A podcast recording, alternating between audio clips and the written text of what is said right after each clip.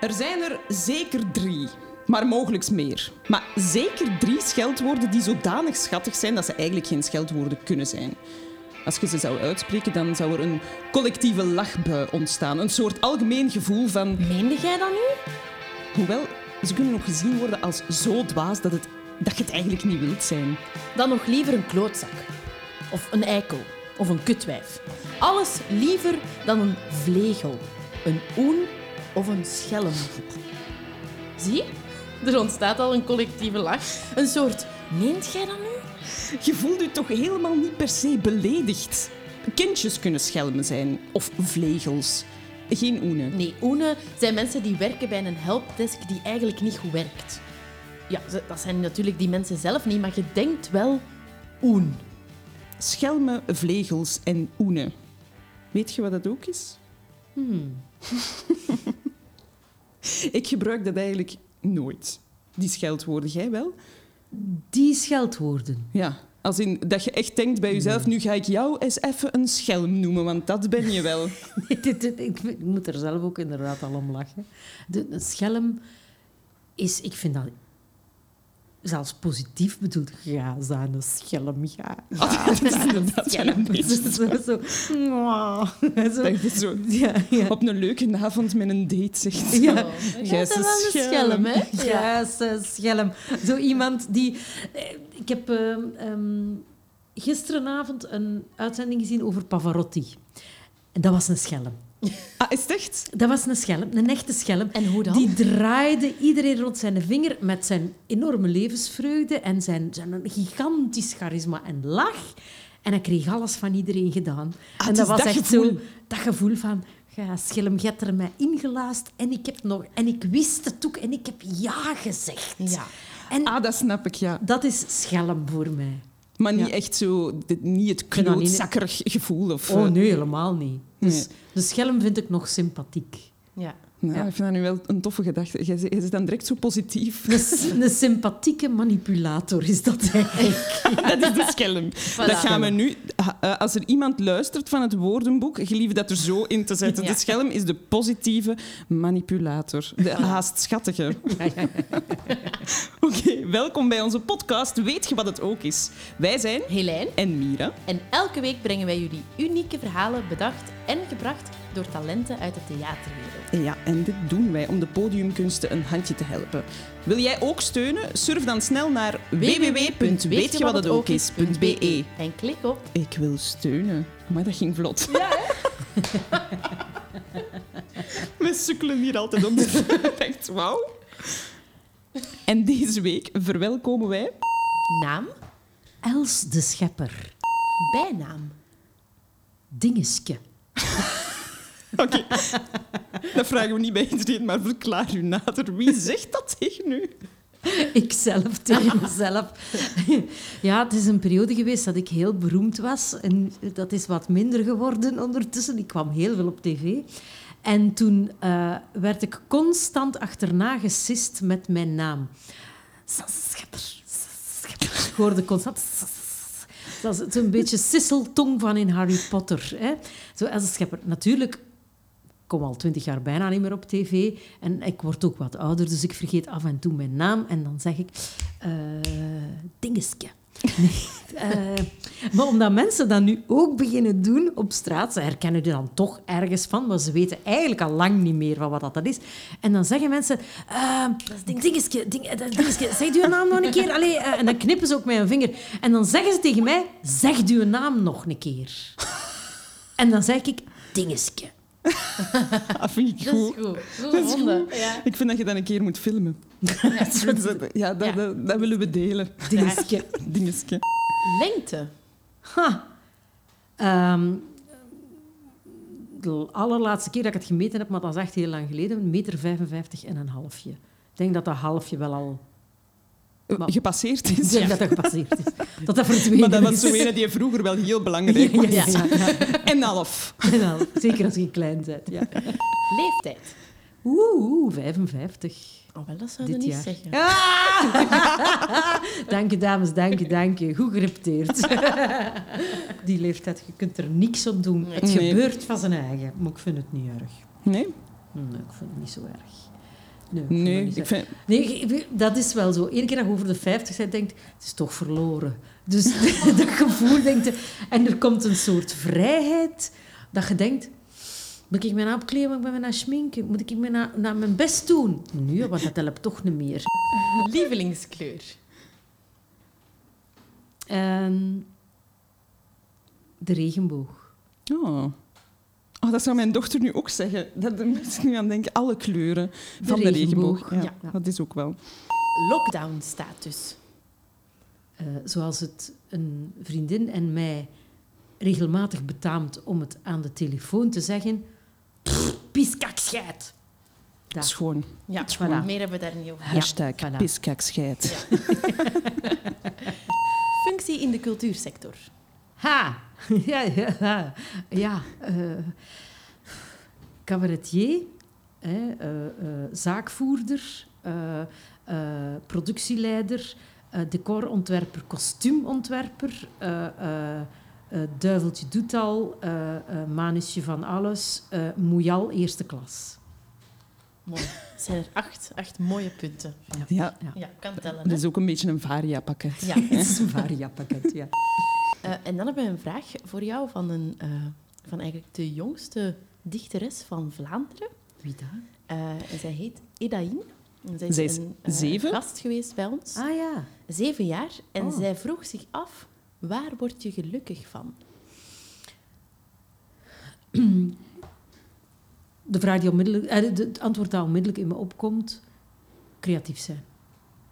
Dat is hetgeen waar ik het meest gelukkig van word. En is dat altijd al zo geweest? Dat is altijd al zo als kind geweest. Ja, ja. Ik heb een redelijk moeilijke jeugd achter de rug. Wel, Een zware jeugd. En eh, als ik mij kon terugtrekken op mezelf in mijn kamertje en kon tekenen, schilderen, verhaaltjes vertellen, eh, eh, kon, kon dingen bedenken en, en timmeren, want ik, ik, was ook, ik heb echt wel wat de skills van mijn vader meegekregen, dan was ik gelukkig. Ja. Ah, wel, ik denk dat Edaïn heel blij gaat zijn met je antwoord, want ik denk dat ze zich daar ook in gaat vinden. Want zij schrijft ook Ja. om zich Te Te uiten, ja, om te ja. uiten, om te uiten hoe ze zich voelt, emotioneel. Ja. En bij mij is dat eigenlijk altijd al zo geweest, ja. En dat is zo gebleven, dus geschilderd ook. eh. Ja, wel. En ik heb als kind, zoals ieder kind, tekent en schildert. Ehm, maar daarna ben ik dat helemaal kwijtgeraakt. En ik, ik, ik kon niet meer of minder of beter of slechter schilderen dan enig ander kind. Absoluut niet. Maar de tijd, nu, de lockdown, eh, ben ik beginnen een nieuw boek te, eh, te, te bedenken. Ehm, en opeens ontstond er een nieuwe skill twee nieuwe skills, namelijk filmpjes maken. En dat heeft echt heel goed gewerkt ook. Eh, ik me geweldig goed geamuseerd met al die filmpjes te maken. Grappige personages erin en zo.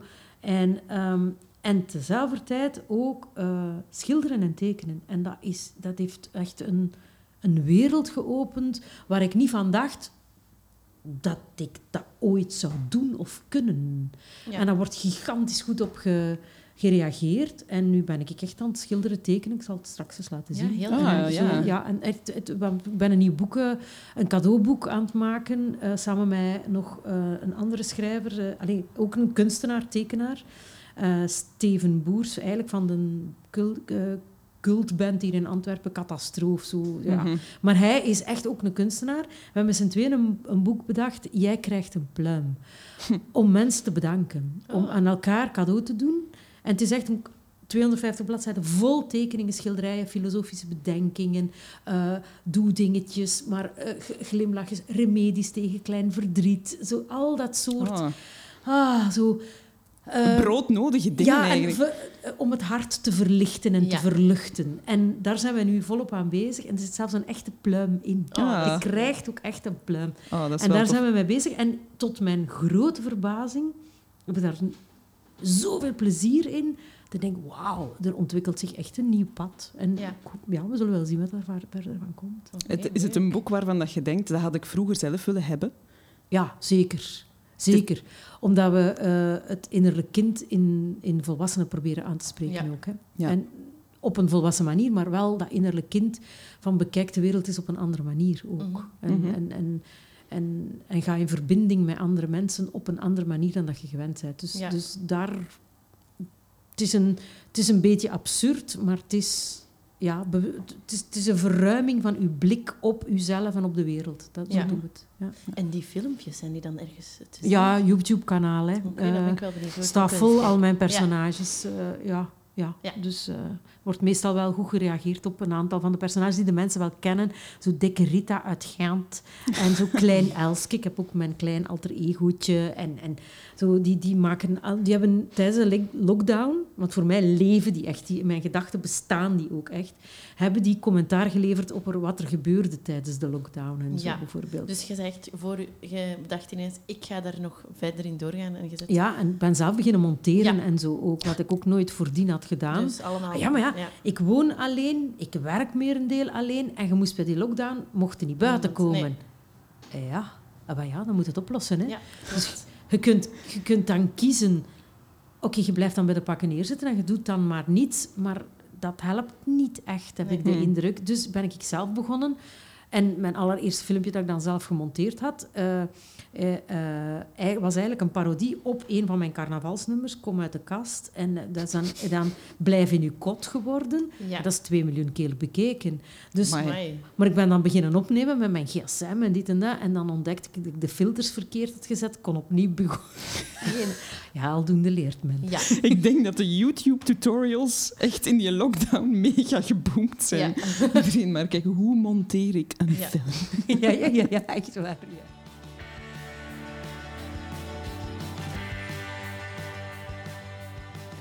Oké, Els, wij willen u graag van harte welkom heten bij onze podcast hier. Het is Dankjewel. kei tof dat jij naar hier wilde komen om Blij ons... dat ik er ben. Ja. Ja. Als een team van vrouwen zijn wij altijd blij om sterke, leuke, grappige vrouwen als gast te hebben. Amai, Dus, I have eh, to live up to it. Ja, nee, ja, dat- ik denk dat het al bereikt is. Dus vandaar dat we content zijn. Wij zijn heel blij.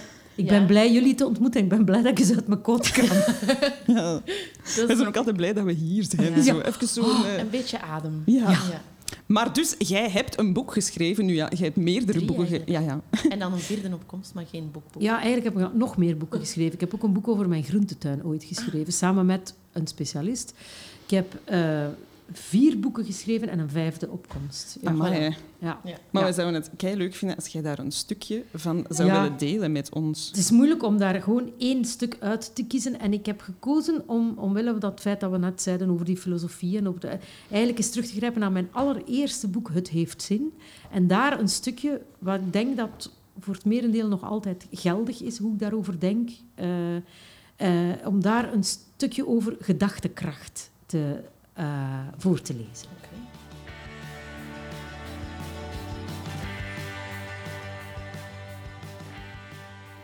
Weet je wat dat ook is? Onlangs zei een van mijn leraren tijdens een seminar dat ik volgde: Wees voorzichtig met wat je denkt, want je zou het wel eens kunnen krijgen. Daar moest ik toch even over nadenken. En hij heeft gelijk. De kracht van onze gedachten is groot, veel groter zelfs dan wij geloven. Met onze gedachten kunnen we eigenlijk alles. In principe komt het erop neer dat je alles wat er met je gebeurt, alles wat je overkomt, zelf hebt gecreëerd en op zijn minst hebt beïnvloed. Ja, ja, hoor ik u al zeggen, het zal wel. Ik ga toch niet voor mijn plezier een ongeluk krijgen. Laat staan het zelf creëren. Eh, Wel, nee, voor uw plezier niet. Nee. Alhoewel, het mag dan een gebeurtenis zijn die je niemand toewenst, maar toch kan daardoor heel wat gebeuren in gang schieten. Misschien ontmoet u door de botsing wel iemand die uw leven een totaal andere wending geeft. En dan wordt het een geluk bij een ongeluk. Misschien wordt u wel verplicht om lange tijd thuis te zitten door uw ongeluk en krijgt u alle kans om na te denken over wat u nu eigenlijk wil in uw leven. Misschien betekent uw ontslag wel dat u nadien een veel fijnere nieuwe job krijgt. Het geluk zit namelijk soms in een klein hoekje verborgen middenin de miserie. Vaak is het ook belangrijk hoe je tegen die gebeurtenissen die je overkomen aankijkt. Voor mij ligt overal een groeikans in. Al is de les, toegegeven, niet altijd makkelijk. Ik probeer toch te zien wat ik uit de omstandigheden kan leren. En er dus op die manier iets positiefs van te maken. Ik ben er ten stelligste van overtuigd dat ik de omstandigheden waarin ik op mijn 25ste ziek ben geworden, uiteindelijk toch zelf heb gecreëerd om zo een van de belangrijkste lessen te leren uit mijn leven op dat moment. Namelijk dat ik mijn gemoedstoestand niet van de buitenwereld en de gebeurtenissen rondom mij moet laten afhangen, maar wel van een diep vertrouwen en een geloof in mezelf als mens. Zolang ik mijn eigen waarde liet afhangen van de wereld rondom mij, zou ik, onbewust weliswaar, oefeningen blijven bedenken waarin mijn zelfvertrouwen en mijn eigen beeld getest kon worden in hun groei. Meestal kennen we de idee van onze gedachten creëren de omstandigheden in negatieve zin.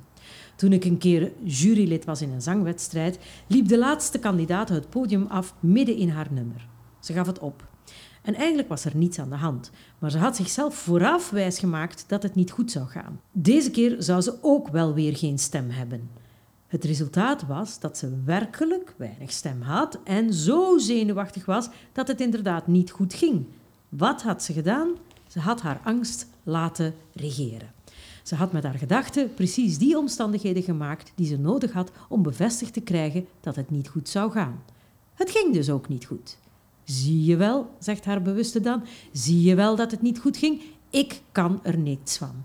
Op die manier komt ze in een negatieve spiraal terecht en dan gaat ze werkelijk geloven dat ze geen knip voor de neus waard is, met als gevolg dat het steeds slechter gaat. Terwijl het beter zou zijn om de situatie om te draaien en positieve gedachten uit te sturen alvorens je aan iets begint. Mocht het dan toch tegenvallen, dan kan je alsnog op dat moment gaan denken waarom het fout ging. Wat voor zin heeft het om van tevoren negatief te gaan denken over iets waarvan je de afloop toch nog niet kent? Dan heb je alleen maar meer kans dat het ook een negatieve gebeurtenis wordt. Je creëert de gebeurtenissen zelf en minstens de manier waarop je er tegenaan kijkt. Als je maar lang genoeg zegt tegen jezelf dat het wel zal tegenvallen, dan zal het inderdaad tegenvallen. Dus bedenk even het omgekeerde. Als je maar lang genoeg tegen jezelf zegt dat het zal meevallen, dan heb je inderdaad grote kans dat het positief uitdraait. It's all in the mind.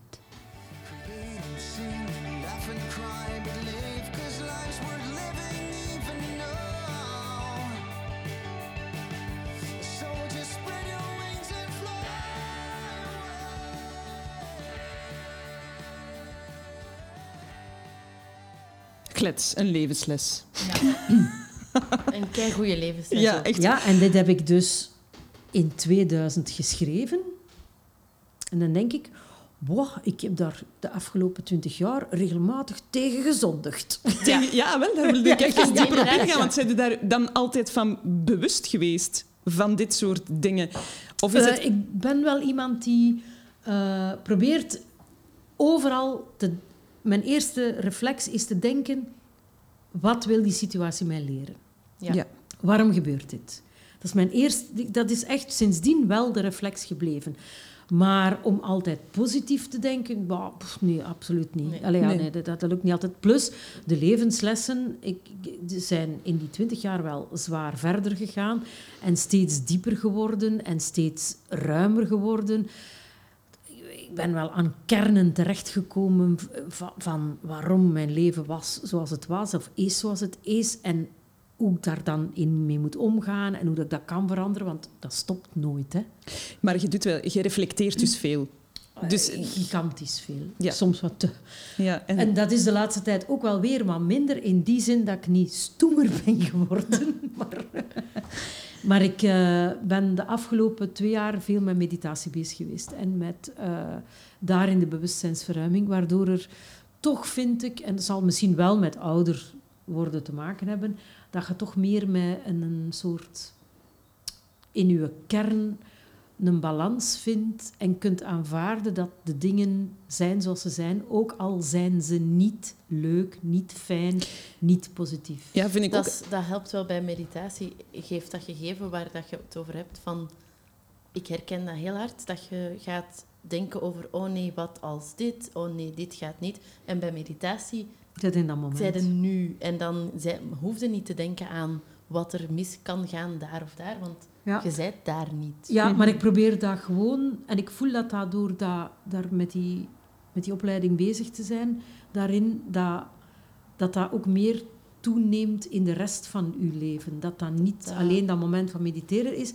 Dat Dat eigenlijk over het uitbreidt, algemeen... een Ja, en Ja. je vervalt uiteraard regelmatig in je ou- oude patronen, uw oude...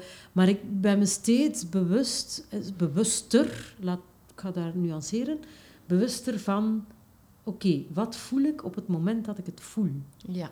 Wat is er op dit moment? En hoe verhoudt zich dat naar mijn buitenwereld en door hoe de buitenwereld zich verhoudt naar mij? Mhm. En dat, ik vind dat super leerrijk ook. Ja. Waardoor je een soort meer eh, ja, ontspanning krijgt. Ja. Eh, Ik, ik zit wel meteen zo met de vraag, je het aan het lezen en ik dacht, zijn er zo situaties uit het verleden waar je nog geen antwoord op hebt? Waarom? Waarop dat je nog niet hebt bedacht van, dat was daarom, dat dat mij toen is overkomen? Ja, maar het gaat niet zozeer over... Dat is een logische vraag, maar het gaat niet over... Het gaat niet meer over het analyse. Het analyseren. In dit eerste boek, en moest ik het nu eens volledig lezen, zou ik veel meer geanalyseerd hebben. Nu gaat het veel meer over dat intuïtieve en dat gevoel en het laten bestaan wat er allemaal is. Mhm. En je kunt wel, maar als je het alleen met de reden probeert te analyseren, en dat is dan, ja, psychoanalyse is analyse, maar gaat vaak in de, in de reden. Terwijl je moet het ook in alle andere soorten lichamen die je hebt verwerken. Bijvoorbeeld als je trauma's hebt of als er dingen zijn. Het gaat over je fysiek lichaam, het gaat over je gevoelslichaam, het gaat over je, je, je, ja, het gaat over je fijnstoffelijk lichaam, het gaat over, over heel veel, over je, je netwerk, je verbinding met andere mensen. En dat, dat, dat verandert je niet door enkel en alleen in te analyseren Ja. in, de, in je hoofd. Mhm. Dat gaat daar niet mee. Je moet het ook beleven, doen, doorwerken. Eh, ja, er is wel, wel wat meer nodig. Dus heb ik een, een geberedeneerd antwoord op alles? Nee, absoluut niet. Maar ik vind het ook niet meer nodig om dat te hebben. Ja, Oké, dat is nog een stapje verder eigenlijk. Hè? Ik vind het niet meer nodig. Het mag er allemaal zijn. Ja. Daar. En sommige dingen, sommige mensen en dingen wil ik nog altijd op hun gezicht doeken. Daar niet van. Ik zit na de- Ik mag dan heel zen en heel rustig zijn af en toe. En ik denk, wauw, dit en dat. Dan zet het een tv op en dan denk ik, Hoe kan deze nou? Oenen, eh, wacht, wacht. wacht. oenen, Schelmen, vlegels, vlegels. potverdikken. Pot vol koffie eigenlijk dan nog. Ja, inderdaad. Dus, en dan denk ik, maar tezelfde tijd denk ik dan ook, dat vind ik dan echt een absolute fantastische truc. Maar ook dit mag er allemaal zijn. Ja. Dat is dan tien minuten later. Ik mag dit ook allemaal zijn. Ja, dit is ook ik mag oké. ook, dit is ook Ik mag hier ook roepen tegen Ik de televisie. Ja. Dat mag. Dat is oké. Het is toch heerlijk. Ja, absoluut. Ik ben eigenlijk toch wel benieuwd ook naar misschien nog een stukje van uw nieuw boek. Ja. De reis Ah, het- van de heldin. Ah, ik, ga- ik Het, mijn naar- laatste boek bedoelt je? hè? Ja, ja, ja. ik zou eigenlijk graag daar nog... Ja, Als je zo aan iets denkt van, dit wil ik delen met de wereld. een coole foto ook, vind ik, Ja. op de cover. Dus, eh, ja. amai. Ik had toen 39 graden koorts, Oh, maar ze hebben dat goed gefotoshopt. Amai. Oh man, dat was niet. Photoshop is toch soms onze vriend. I love it. Ik ben hier aan het kijken hè, naar een stukje. Ah, dit is misschien ook een schoon stuk. Els heeft een stukje gevonden. Over Diep. mijn honden. Ah, ja.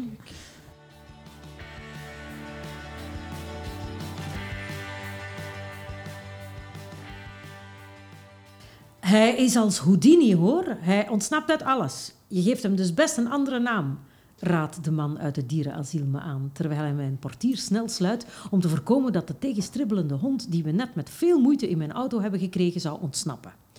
Zo roep je de trauma's van je hond niet nodeloos op. Ik rij weg van wat ik de hel voor huisdieren noem. Het dierenasiel in het Franse Rijssel. Iemand heeft me net een rondleiding gegeven en wat ik heb gezien deed me huiveren. Broodmagere dieren in een stinkend, vuil en ijskoud complex.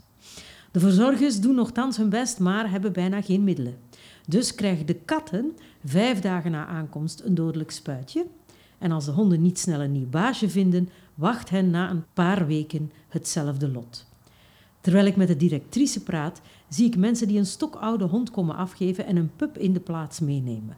Als ik vraag wat dat betekent, zucht de vrouw: Dat is hier de mentaliteit. Mensen komen hun zieke hond inleveren in ruil voor een nieuw exemplaar. Alsof het een oude, kapotte koelkast is. Ze toont me het nachtluik waar je je dier anoniem in kan komen dumpen als afval. Liever dat, vertelt ze me, dan dat mensen hun huisdier vastgebonden aan een boom laten creperen of op straat dumpen. Op die manier kunnen we het beestje tenminste een iets wat waardig einde geven. Ik ben er het hart van in. Hoe kunnen mensen dit in godsnaam doen? Ach, voegt ze er nog vergoeilijkend aan toe. De meeste dieren hier hebben andere zorgen dan zich te bekommeren om een dier. De meeste mensen hier hebben andere zorgen dan zich te bekommeren om een dier. Terwijl ik naar huis rijd, bedenk ik dat ik tenminste één dier gered heb van een miserabel leven. De hond die de hele rit lang hijgend en piepend langs de binnenkant van de auto springt, piest ondertussen de achterbank vol uit stress. Hij is graadmager. Toen ik in het asiel het beestje te zien kreeg, bleek hij een paar maten groter te zijn dan ik had ingeschat. Tot dan toe had ik enkel Jack Russells als huisdieren gehad, stevige, maar zeer compacte springkastelen. Een beetje zoals mijn karakter toen was. Op de foto online kon ik niet goed zien hoe groot of klein mijn nieuwe beestje was, maar bij de eerste aanblik op de site van Rescue Dogs Europe riep ik luidop: Dat is mijn hond. Wat hem zo in me aantrok, besefte ik toen nog niet. Dat werd pas veel later duidelijk. Door omstandigheden was ik de hond zelf gaan halen uit het asiel in Rijssel, waardoor hij sneller op een veilige plaats zou zijn. Dus tuf ik voorzichtig naar huis in een ondertussen naar pies en poeper stinkende auto. Het kan me niet schelen. Ik heb een nieuwe verwante ziel gevonden waar ik goed voor zal zorgen. Ik denk na. Ehm, een nieuwe naam. Maar welke dan? Wat past bij hem? Intussen is de hond een klein beetje gekalmeerd. Hij zit nog altijd piepend op de achterbank. Ik probeer tegen hem te praten, maar hij reageert nauwelijks. Zou hij geen reactie tonen omdat ik Nederlands spreek? Dat beestje kent wellicht enkel Franse woorden. Ik besluit het te proberen en praat zacht tegen hem in de achteruitkijkspiegel terwijl ik hem aankijk. Uh, ça va, mon amour? De hond krimpt ineen alsof hij geslagen wordt. Jezus, wat heeft dat beest meegemaakt, denk ik. Pas de souci, mon petit, t'es en. Rien de grave va passer. Tu vas à un endroit où tu es le bienvenu, t'inquiète pas. Het trillen wordt langzaam minder. Hij hoort mijn kalme stem. Ik blijf rustig tegen hem verder praten. En opeens weet ik het. Natuurlijk! Ik word enthousiast en begin te lachen. Een Franstalige hond die geen Nederlands begrijpt, die bang is van alles. Een Jeannette dus. Dan is er dus maar één mogelijk nieuwe naam, die van onze eerste minister van dat moment, Elio Di Rupo. Ik schater. Vanaf dat moment luistert mijn nieuwe hond dus naar de naam Elio. Hij krijgt meteen ook een rood strikje dat hij met veel plezier draagt. Elio blijkt trouwens na een tijd ook net zo ijdel te zijn als zijn menselijke naamgenoot. Hij poseert bijvoorbeeld supergraag voor foto's. Thuis sluit ik de poort van de oprit zodat de hond niet weg kan lopen. Ik hoef me geen zorgen te maken. Elio kleeft tegen me aan als een stuk velcro. Hij wijkt geen millimeter van mijn zijde. De ontsnappingskoning is op die anderhalf uur durende rit naar huis compleet overgehecht aan me geraakt. Dat had ik trouwens ook al ergens gelezen, dat er een grote kans was dat een asieldier kampte met verlatingsangst en andere hechtingsproblemen zou hebben. Het is alsof ik in een spiegel kijk. Een spiegel waarin ik me niet bewust herken, maar door de gedragingen van Elio wordt er iets in me getriggerd wat duidelijk aan de oppervlakte moet gaan komen.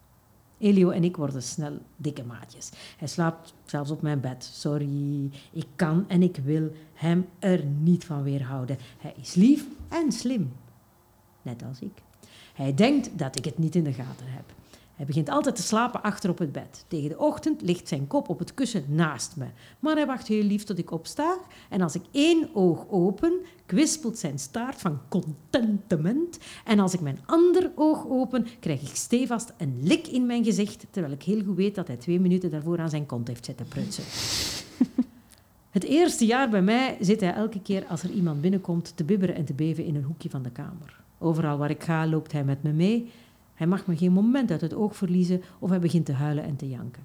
Hij wil ook niet dat iemand anders hem aanraakt. Ik ben zijn redder en alleen ik mag hem benaderen. Ten einde raad bel ik een hondengedragstherapeut en we gaan aan de slag om de hond te socialiseren en zijn zelfvertrouwen te ontwikkelen. Het is niet simpel. Er is veel geduld voor nodig, maar langzaam maar zeker ontplooit Elio zich toch. Al snel plast hij niet meer in huis en als ik met hem in de tuin rondwandel, kwispelt zijn staart soms. Op straat lopen is nog onmogelijk. Als ik het toch een keer probeer, schrikt hij zo hard van een simpel, maar voor hem onbekend geluid dat hij zich losrukt uit zijn twee leibanden. Maar hij komt gelukkig direct terug. Oef. We worden twee handen op één buik. Hij komt s'nachts dicht tegen me aanleggen en ik heb net zoveel deugd van zijn nabijheid als hij geniet van die van mij. Ik knuffel en kus hem en hij maakt grommende geluidjes van genot. Hij voelt zich thuis. Ondertussen gaan er jaren voorbij en werk ik verder aan de inzichten in mezelf. En op een dag geschiet een wonder. Ik zit op de sofa naar mijn favorite guilty pleasure programma van dat moment te kijken. Say yes to the dress. Elio is op wandel in de tuin. Sinds een jaartje hoef ik niet meer in zijn buurt of in zijn zicht te zijn als we thuis zijn. Hij vertrouwt erop dat ik wel in de buurt blijf en niet zomaar wegga. Dus opent hij zelf de achterdeur en gaat op stap in de tuin. Als ik opkijk, zie ik hem door het raam in de voortuin zitten. Hij is over de tuinmuur aan het kijken of er vrachtwagens passeren waar hij naar kan blaffen. Ik zie hem stilletjes genieten van het mooie lentezonnetje. Ik geniet op mijn beurt van het zicht op mijn lieve hond, die van zo ver komt en die zoveel stappen in zijn vertrouwen heeft gezet. Hoewel hij me niet kan horen, voelt hij dat ik naar hem kijk. Hij draait zijn kop, kijkt naar me door het raam en geeft me een knipoogje met zijn beide ogen. Daarna tuurt hij verder naar de straatkant. Ik smelt en ik denk: we zijn er. Hier hebben wij al die jaren samen aan gewerkt. Dit hebben wij voor elkaar gekregen. Zijn hechtingsproblemen zijn nagenoeg van de baan, die van mij ook, voeg ik er in gedachten aan toe.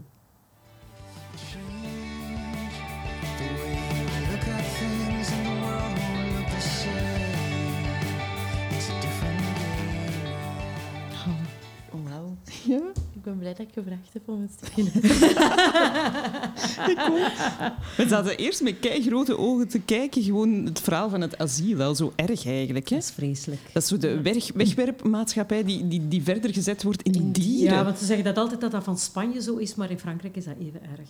Ja, Ja, ik vind dat wel heftig. Ja, is heftig. Zo echt een dier gaan inruilen. Van, mogen wij Ja. nu een, eh, een, een terug is- klein dat en snap schattig? ik niet dat dat zelfs kan. Maar ja, het is inderdaad wat ze zegt. Anders dan worden ze Ja. aan Maar- de kant van de weg gezet. Ja, het is dat. echt zo een luik, hè? Zoals... Hier, Ja, een de hond. vondelingen zoals schuif een ook, hè? vondelingenschuif. Ja, en ik vind dan die mevrouw, wat dat ze zegt, klopt. Hè. Je Ja, kunt klopt, dan maar inderdaad. beter de, de positieve gedachten daaruit halen. Van Ja. beter dit dan inderdaad aan een Ja. boom of ergens voor dood achterlaten. ja, ja, zeker. Dus, en nu is hij oud, hè? Hij is nu 13. Oh, my. En hij heeft hele zware heupdysplasie, dus ik moet hem de trap opdragen, de trap afhalen. Maar ja, je doet dat omdat Ja. je die hond graag ziet. En dat is, dat is een Mhm. prachtig... Dat is een, ja, en ik ga die ja, binnen dit en zoveel tijd verliezen. Uiteraard, dat weet je ook. En ik heb een aantal honden al gehad, maar hij is toch wel heel bijzonder, net omwille, Omwille van... Hij heeft gespiegeld wat er met mij was. En wij hebben dat samen, dat pad gelopen. En dat was zo schoon bij hem ook. Ja. ja. Ah, dat kan ik me voorstellen. Ja, dat is heel schoon. Ja. Ja. Ik ben daar ook heel dankbaar voor. Dat ik zo... Dat, die, dat, dat zieleken, want ik geloof daar heel sterk in, het zijn zielekes allemaal, dat die in mijn leven is gekomen. Ja. En dat ik... Ik ben daar dankbaar voor, ja. Ja, dat is echt waar. Ja. Ja, dat snap ik. Ja. Ik vind dat ook een heel toffe titel, De Reis van de Heldin. Ja. Omdat het bij mij zo meteen oproept, dat is het tegenovergestelde van het slachtoffer zijn van uw eigen leven, vind ik. Ja. De, de held zijn in uw eigen bestaan is zo'n belangrijke. Maar het, is, is pas als je opgeeft om slachtoffer te zijn en als je aanvaardt dat je in principe zonder schuld, want schuld telt niet, maar dat je verantwoordelijk bent voor, u, voor alles in je leven, voor wat er u... Je bent verantwoordelijk, niet schuldig, verantwoordelijk. Als je dat ziet en durft toepassen, dan verandert er gigantisch veel in het leven. Mhm. Ja. Dat is echt waar. Ja, ik vind de, de verantwoordelijkheid voor uw eigen geluk ook, ik vind dat een belangrijk. Ik vind dat Ja. veel mensen dat de, te veel afhankelijk zijn van... Ja, terwijl dat, er zit een nuance in, vind ik. ehm, er zit een valkuil in. In die zin dat je. eh, dat, dat je denkt van, ik moet moedig zijn en nee, ik stop dat allemaal weg. Dat mocht je net niet doen. Het, is, het gaat over de werkelijke verwerking, de werkelijk het uiten en authentiek zijn en dat wel allemaal zijn, maar daar wel, you have to own it, zeggen Ja. ze in het Engels. Hè? En ik vind dat een hele mooie uitdrukking daarvoor. You have to own it. Ook uw fouten, you have to own them. Mhm. Als je uw fouten erkent en je erkent naar iemand anders, bedoel iemand anders zegt, ja, dat is en dat is gebeurd en dat heeft met bijzonder veel verdriet en pijn gedaan, dan moet je uw stuk daarin erkennen en een ander moet zijn stuk daar ook in erkennen. Want in principe, als het over banale dingen gaat, kan, kun je een ander geen pijn doen, want dat is alleen maar een spiegel van de onverwerkte stukken in iemand. Ja. Mhm. Maar dat wil niet zeggen dat je niet dat stuk van ik heb dat niet doelbewust gedaan, dus mijn excuus daarvoor. Goed dat je mij dat zegt en daar kan ik iets uit leren. Mhm. Dat is wel belangrijk, bijvoorbeeld. Ja, absoluut. Ja, akkoord. Ja, ik vind ja, sowieso. Goh, wat wou ik er nu over zeggen? Ik was iets aan het denken en ik ben het vergeten. Ik ga wel terugkomen. Ja, over het authentiek zijn daarin. Ehm, Mm. omdat ik heel hard herken, jij zegt, hè, mensen zijn afhankelijk van hun, van hun geluk extern.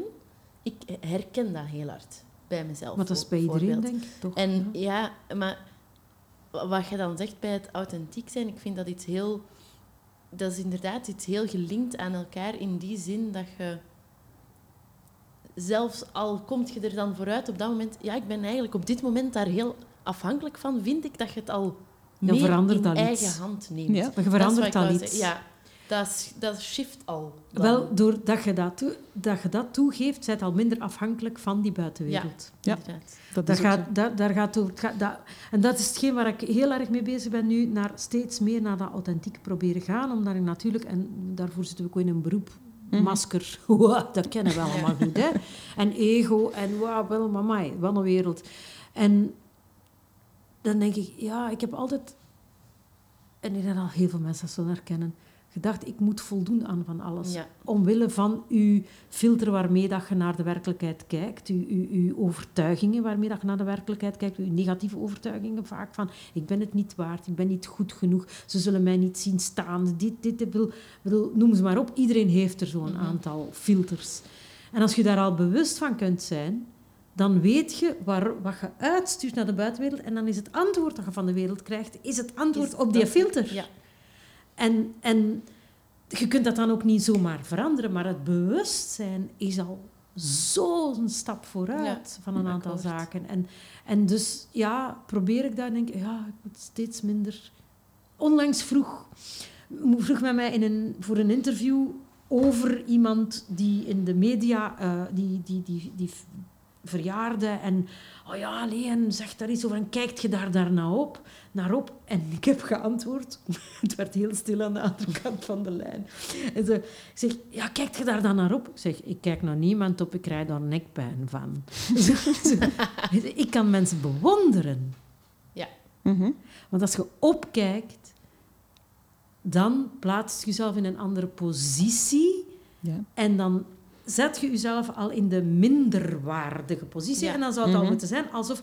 Want het is toch niet omdat je op tv komt of omdat je, dat je meer of minder waard bent dan iemand Mhm. anders. Excuse you me, zo werkt het niet. Nee. Dat is niet Nee. zo. Maar veel gaan daar wel van uit. Hè, mensen kijken ook op... naar- Het, het is een soort... Het heeft allemaal met ego en, en een soort macht te maken. En daar ben ik steeds meer... Dat ik denk... Ik vind dat allemaal niet meer zo belangrijk. Ja.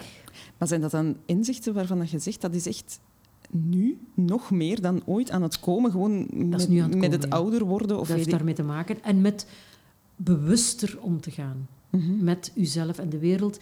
En net bijvoorbeeld die negatieve overtuigingen te bekijken. Wat is mijn innerlijke stem? Ja. Mhm. Wat zegt die op bepaalde... Omdat ik net meer authentieker wil zijn en, en, en wil niet meer per se perfect te hoeven zijn van mezelf, omdat ik denk dat ik daardoor dan graag gezien ga worden en meer... En denk, maar jongens, hoe vermoeiend is dat niet? Maar Ja. moe dat je daarvan wordt. Maar dat is. En dat is, en, wel, en, ja, en dan denk ik, ah, dat wil ik toch veel minder. Ja. Dat is zo'n wens die ik heb geuit en, en, en daar probeer ik, en daar heb ik de juiste mensen voor in mijn omgeving ook weer blijkbaar aangetrokken. Ja, dat werkt Zo natuurlijk. werkt dat dan. Ja. En, en dan komt dat en die geven u dan allee, op zacht, zachte wijze mee, helpen die u die inzichten te verwerven. En ook dat is ook zoiets van, er is veel meer zachtheid gekomen, zal ook met ouder worden, maar toch, het heeft ook meer met die ontwikkeling te maken. Minder, het moet allemaal niet met catharsis en met groot drama en dit en dat. Mhm. Mijn leven is in principe ogenschijnlijk veel saaier geworden. Nu, iedereen zijn leven is met de lockdown echt beetje wel veel saaier geworden. Laten we dat. Dat gaat ook wel weer veranderen. Maar gewoon, maar innerlijk is het nog veel rijker geworden van veel meer kleuren. Ja. Dus Ja. het is meer regenboog dan... Mhm. Hm, Ja, Ik denk gewoon dat veel meer mensen moeten durven om, iets, om niet meteen daar iets aan te verbinden. Iedereen kan beginnen schrijven, schilderen, Maar- weet ik veel wat, maar zonder dan een schilder te moeten zijn. wel ja, ik vind zo, dus wij, dat- zijn, wij zijn zo altijd prestatiegericht. Als je schildert, eh, dan wordt de vraag gesteld, ben je dan een schilder? Niet per se. Moet daar iets mee? Moet je een vernissage houden? Moet Nee. Niet per se. Ik, ik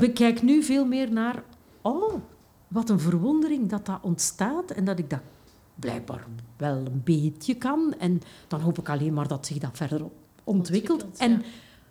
we zien wel waar het terechtkomt.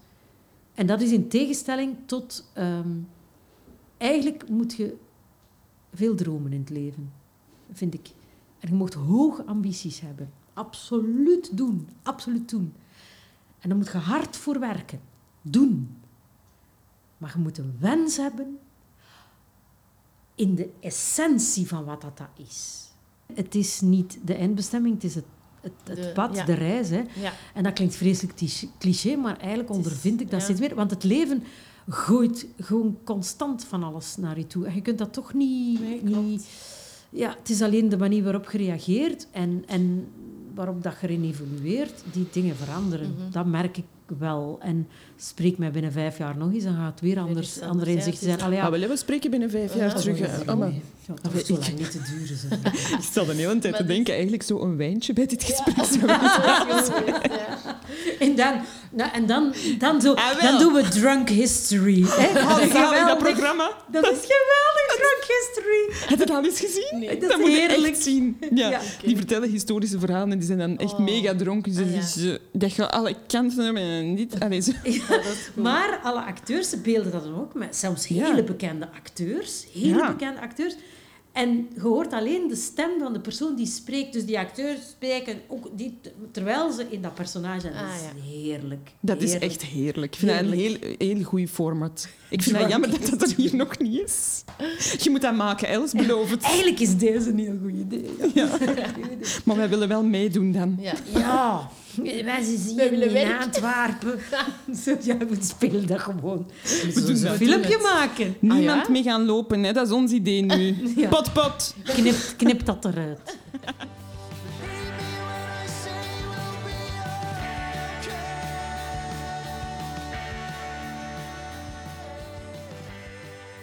Oké. Amai, zeg, dankjewel voor deze... Graag gedaan. Vele wijze- inzichten en, Ja, en echt. wijze woorden. Ja, ik, vind dat, eh, ik vond het een heel tof gesprek. Amai. Allee, graag Dus, eh, Merci. wij hebben Dank. nog één vraag voor u. Ja. Ja, Ja. een vraag die wij aan al onze gasten stellen. Ja. Jij hebt ook een vraag gekregen van het kleine meisje. Ja. Maar kunt jij een vraag bedenken voor onze volgen, een van onze volgende gasten, zonder te weten wie het gaat Ah ja, zijn? zonder Maar dat mag, een, beetje, dat mag, dat mag een, een diepe vraag zijn. Of, eh, Ja, ik zal eens zien wat er in mij opkomt. Ik zal eens, zal eens even gewoon zoeken. Hè. Wat maakt dat jij zijt wie dat je zijt? Goed, dan gaan we terug naar de authenticiteit. Hè, Ja. Waar we het over hadden. Ja. Dat is ook niet, dat is zo, niet zo'n voor de hand liggend antwoord, denk ik, voor niemand. Ik denk dat niet iedereen daar ook klaar voor is. Antwoord Dan moeten we maar zien aan wie dat je het Ja. vraagt. We zullen eens even zien bij onze gasten. Ja, ja. Dank u wel voor deze diepgaande vraag. Ik ga Ja. er zelf ook eens over nadenken. Ja, ik ook. Dat zal voor vanavond toch even zo... eh, Oei, oei, jongens. Ja, dan willen wij ook nog graag even afscheid nemen van onze luisteraars. Dank u wel om elke week trouwe post te zijn. En wij willen toch nog even iets heel, heel duidelijk vertellen. Ja, dat deze podcast... ehm, ja, tot stand is gekomen omdat wij geld willen inzamelen voor de podiumkunsten. Dat is heel belangrijk, want er zijn veel mensen in de podiumkunsten getroffen door deze hele situatie. Mensen die nog steeds niet aan het werk kunnen na meer dan een jaar ondertussen. Um, ons ingezamelde geld gaat naar het Fonds Hart voor Kunstenaars van Artists United. Um, dus mocht je de podiumkunstenaars willen steunen, aarzel dan niet en surf snel naar www.weetjewathetokis.be. En klik op Ik wil steunen. Dankjewel iedereen. En tot hoors.